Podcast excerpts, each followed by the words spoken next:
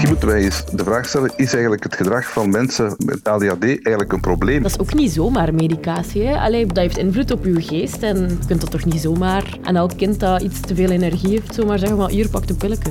Zijn dokters te kwistig met relatine? Had jij nog iets op de lijst staan? Ik zag nu net iets passeren dat het alarm in Taiwan was afgegaan omdat er Chinese dingen, een satelliet was gelanceerd. En in Taiwan stonden ze al in rep en roer. Those rising tensions, this between China and Taiwan. Taiwan, dat is wel iets dat wereldwijd onrust opwekt. Waarom loopt de spanning over Taiwan opnieuw op? Ik denk dat ik dat ga kunnen blijven zeggen. En dat is dat ik ongelooflijk veel spijt heb van wat ik u heb aangedaan. En wat bereik je door dader en slachtoffer van een misdrijf samen aan tafel te zetten? Alweer drie nieuwe vragen waar we het komende kwartier mee aan de slag gaan. Ik ben Lode Roels, welkom. Van de hoofdpunten in het ochtendnieuws vandaag ging over een bekend fenomeen: rilatinepillen als medicijn bij ADHD. Ze worden steeds vaker voorgeschreven aan kinderen en jongeren, zo'n 20% meer in de laatste 10 jaar, zeggen de Belgische cijfers. En het Christelijk Ziekenfonds trekt aan de alarmbel. Het is precies dat wij als samenleving kost wat kost ADHD onder controle willen krijgen. Dat wil zeggen het gedrag van mensen.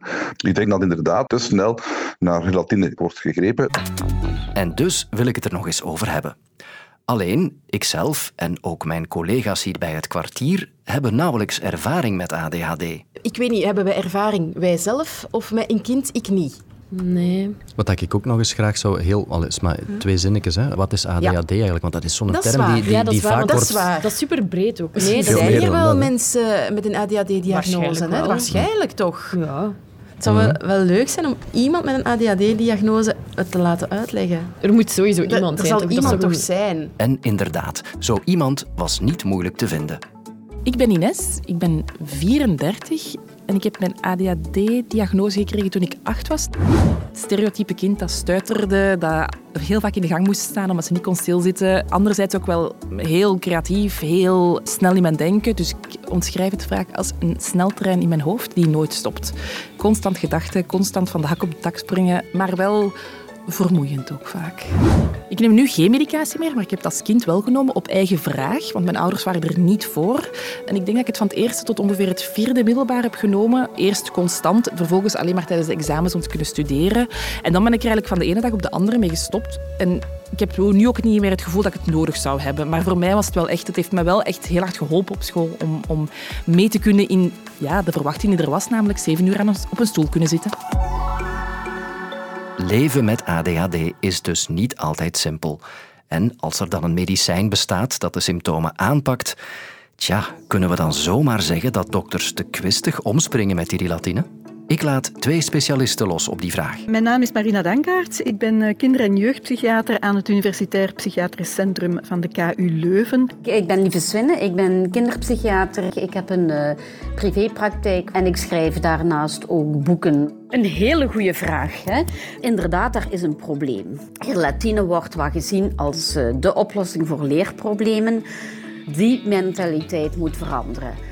Om te zien dat er meer nodig is of andere dingen nodig zijn als medicatie. En medicatie zonder meer eh, vind ik inderdaad eigenlijk niet zo zinvol. Maar natuurlijk de percentages waar nu sprake van is, namelijk 2,4 procent van de kinderen, die komen eigenlijk nog wel overeen met wat we kunnen verwachten uit onderzoek. Hè. Wereldwijd komt ADHD voor bij gemiddeld gesproken 5 procent. En dus behandeling van 2,4 procent met medicatie is op zich niet echt alarmerend nog niet. Waarmee ik niet wil zeggen dat alle kinderen die ADHD-symptomen vertonen medicatie moeten krijgen, maar een groot deel van hen eigenlijk wel. Wat wel verontrustend is, is dat het in sommige delen van het land nog veel meer is dan die 2,4 en in andere delen veel minder.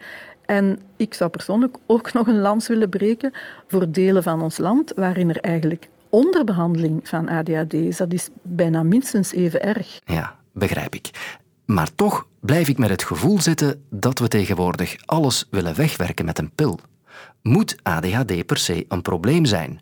Mogen kinderen niet gewoon anders zijn zonder dat we er medicijnen moeten bijhalen? Wees er maar zeker van dat ADHD echt een serieus probleem kan zijn. En ik denk dat eh, de relatine meer wordt voorgeschreven voor leerproblemen als voor ADHD. En natuurlijk voor ADHD is dat wel erg belangrijk dat we die kinderen helpen, want ADHD kan echt wel heel invaliderend zijn. Ze halen gemiddeld gesproken een lager diploma dan wat je op basis van hun mogelijkheden verwacht.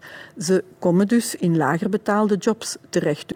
Ze komen veel vaker met verslavingsproblematiek, met depressies, met andere psychiatrische problemen in hun jonge volwassenheid. Zeggen ADHD bestaat eigenlijk niet, dat is dan toch ook weer uh, helemaal de slinger naar de andere kant brengen. Er zijn heel temperamentvolle kinderen, maar van die groep van heel temperamentvolle kinderen is bij een aantal kinderen gewoon functioneren heel erg moeilijk. En die vallen en schools en sociaal uit de boot. En daar moeten we echt iets voor doen. En dat is iets wat in het hele discours hier vergeten wordt. Dat is dat ADHD zelf heel veel negatieve effecten heeft voor kinderen.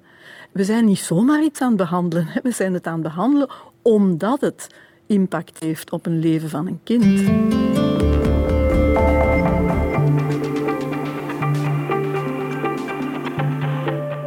De podcast van gisteren beluisterde, hoorde een gesprek met professor Mattelaar over de vraag waarom de VS zich steeds meer zorgen maakt over de oorlog tussen Israël en Hamas.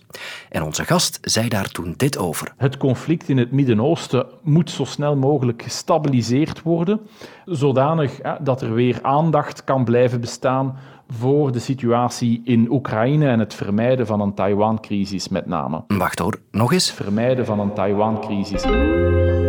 Het vermijden van een Taiwan-crisis. En dat is niet zo denkbeeldig meer. China beschouwt Taiwan als een afvallige provincie die het terug wil inlijven. En de spanningen lopen de laatste tijd opnieuw op. Vanochtend nog was er even nationale paniek. Alle Taiwanese kregen plots een alarmboodschap op hun smartphone. Ook iedereen die op dat ogenblik een persconferentie van de buitenlandminister bijwoonde. Taiwan China.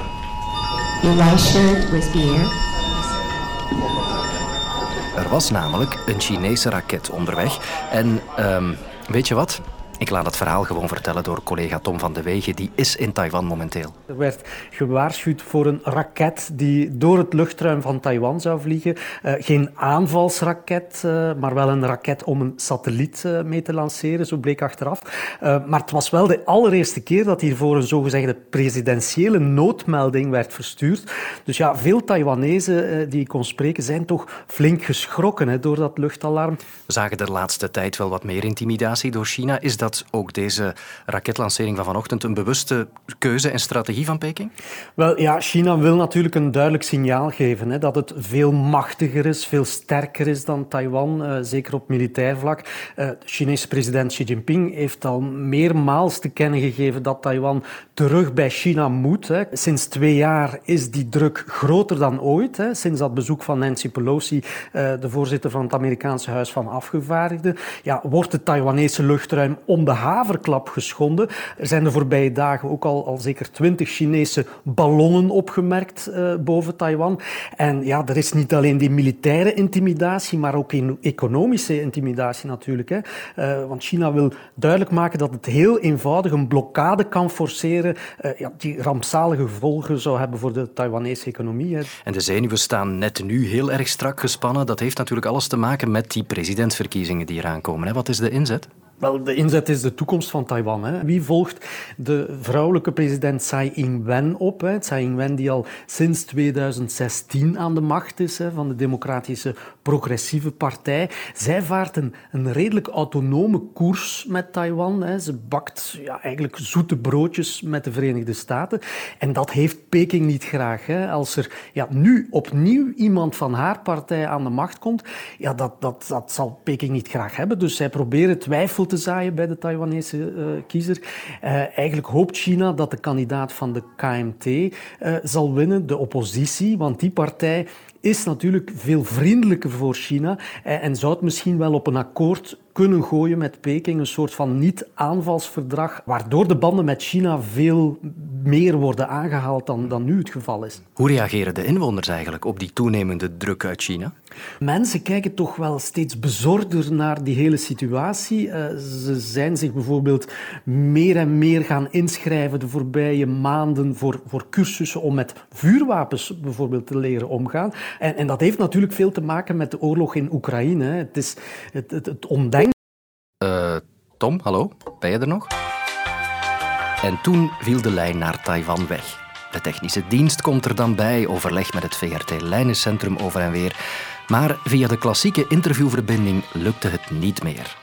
Wat wel nog werkte, was WhatsApp. Uh, Tom, hoor jij mij? Ja, Lode, ja, ja, ja. je bent er terug. Zeg, we zullen op deze manier gewoon verder praten. Hè? Verbind wel, maar ik word er altijd afgesmeten. Ja, geen probleem. Tom, je was aan het vertellen dat de mensen daar met Oekraïne in hun hoofd zitten. Wacht, hè. Ja, dat heeft ook veel te maken natuurlijk met de oorlog in Oekraïne. Het, ondenkbare kan wel degelijk denkbaar worden, zo hebben ze hier geleerd. En, en daar bereiden ze zich toch steeds meer op voor, heb ik het gevoel. Ja. Maar voorlopig is uh, een, een, een invasie niet aan de orde.